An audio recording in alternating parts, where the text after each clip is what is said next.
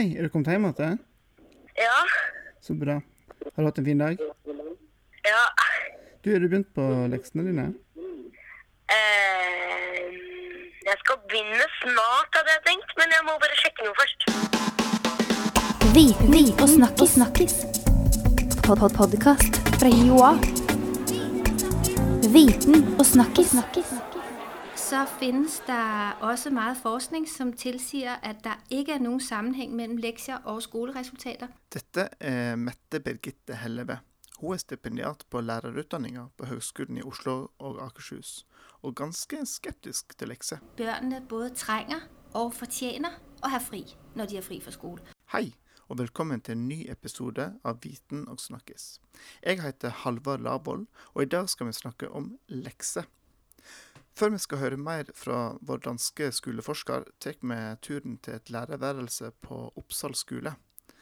Her hører du Hanna Moflag Løkting, som forteller om hvordan hun jobber med lekser. Det varierer veldig etter hvilke emner vi holder på med. Vi pleier å lage en uke eller to ukers planer, og da går leksene naturlig inn i det arbeidet vi driver med. Så det kan variere. Av og til må vi tenke oss veldig godt om for å tenke hva som er hensiktsmessig i løpet. Det er ikke mange lekser ukentlig som vi tar inn og retter, men det er en god del vi bruker sammen med elevene i timene. F.eks. kan elevene sitte sammen med sitt leksearbeid, gå gjennom. Eh, Så kan vi komme med ulike forklaringsmodeller i klassen. Eh, Noe tar vi inn og retter, men vi ser at elevene har mye større læringsutbytte hvis de jobber med å rette opp egne feil i eget leksearbeid.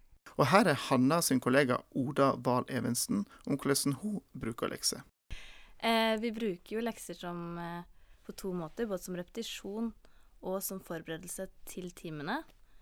Eh, jeg bruker en del tid på å planlegge leksene når jeg også planlegger timene, sånn at de skal henge sammen. Eh, noen typer lekser bruker vi også mye tid på å gjennomgå på skolen, sånn som Hanna sa. Og så er det noen typer lekser, sånn som de ukentlige leseleksene i engelsk og i norsk, som eh, elevene får utbytte av etter en periode. Jeg legger opp andre typer lekser i språkfagene, f.eks., enn hva jeg gjør i naturfag. Der bruker jeg mye mer eh, forberedende lekser, sånn at eh, litt sånn interessevekkende lekser, kanskje, oppgaver, eh, som de forbereder seg på hjemme, sånn at de er klar for å starte med et nytt tema når vi kommer på skolen. I matte så ser vi stort behov for repetisjon.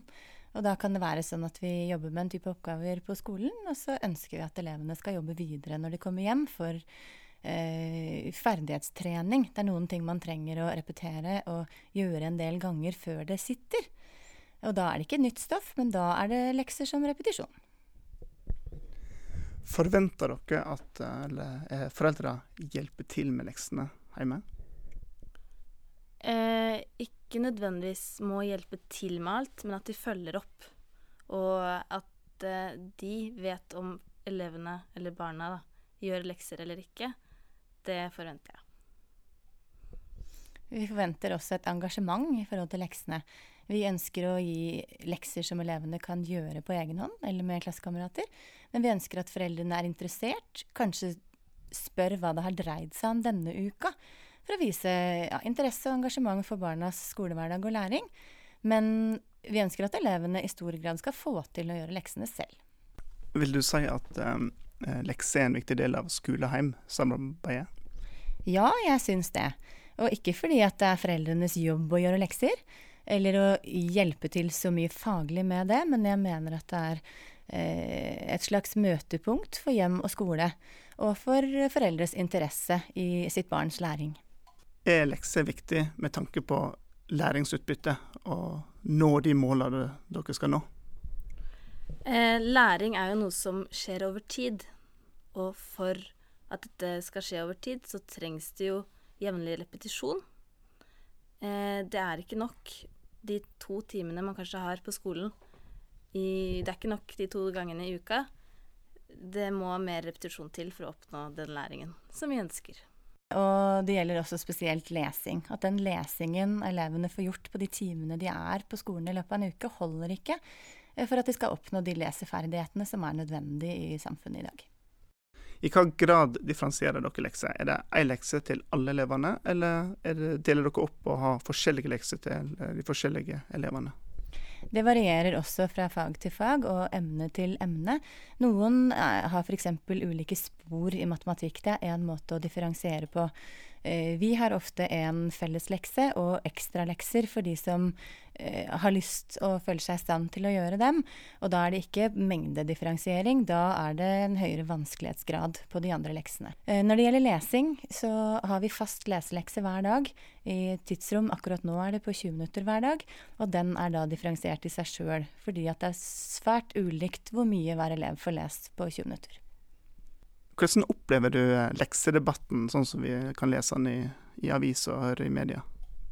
Jeg syns det er fint at eh, folk engasjerer seg i skole, også i lekser. Og en del foreldre har selvfølgelig mange meninger om lekser. Um, jeg syns nok at skoler snakker for lite sammen om hvordan man bruker lekser. Så jeg syns det er fint at det er på agendaen. Men det er også fint at uh, fagfolk får uh, mene noe kvalifisert ut fra sin hverdag. Eh, jeg håper debatten er med på å skape økt kvalitet på leksene og fokus på eh, riktige lekser. Da. At man ikke skal gi lekser for å gi lekser, men at det er en, en grunn for det. Eh, man møter også på disse foreldrene som får med seg biter av debatten, og som eh, på grunn av dette blir ganske negative til lekser, noe som eh, kan smitte over. Eh, det er jo ikke så heldig. det var Hanna og Oda som fortalte om hvordan de jobber med lekser, og hva de tenker om eh, leksedebatten. Nå skal vi høre litt mer fra Mette Birgitte, som er skoleforsker. Hun har et litt annet perspektiv på dette med lekser. Men først må vi få én ting klart. Må vi ha lekser? Er det obligatorisk? Nei, det er ikke obligatorisk i det hele, taget, i det hele taget. Der er ingen steder i vores styringsdokumenter hvor der står noe om at vi skal ha lektier.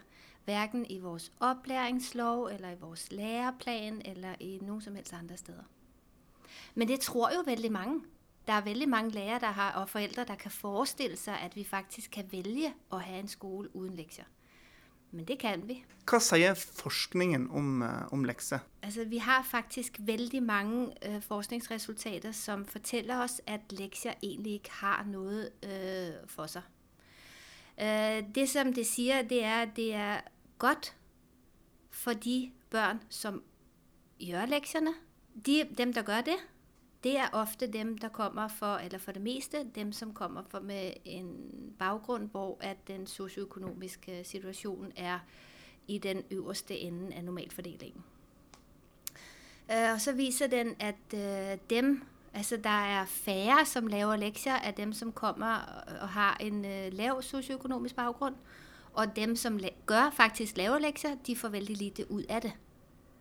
Så, så hvis vi liksom skal samle det litt, så betyder det at dem som får noe ut av det, det er de som kommer fra øh, en familiebakgrunn med høy sosioøkonomisk øh, status. Så det er jo veldig urettferdig. Det er jo noe av det som er mit, et av problemene som jeg opplever med lekser, det er at det, det er godt for dem som har de riktige øh, vilkår øh, hvor de har støtteapparat rundt seg, hvor de har foreldre som selv har gode erfaringer med å gå på skole, selv har gode erfaringer med å lave lekser, der kan det fungere fint.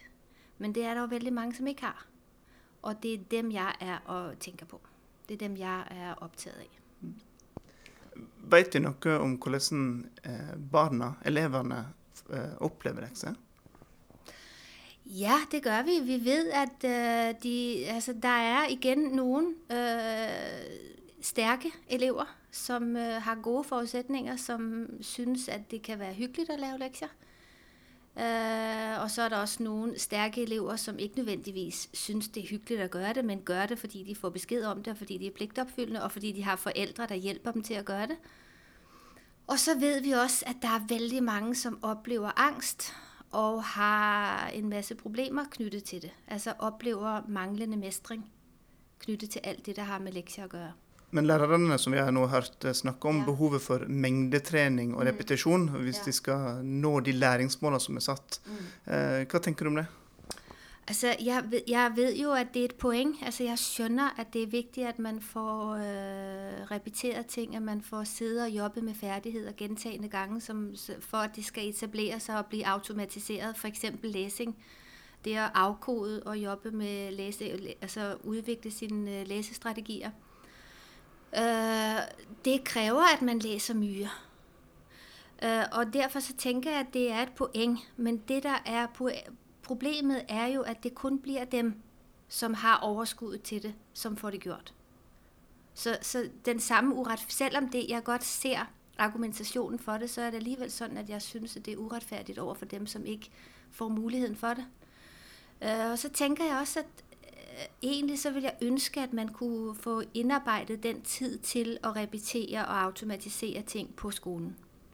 Så det har været et, øh, altså hvis vi skal, en af, en af de store værdier og visioner i norsk skole er jo, at vi skal prøve at udjævne sociale forskelle.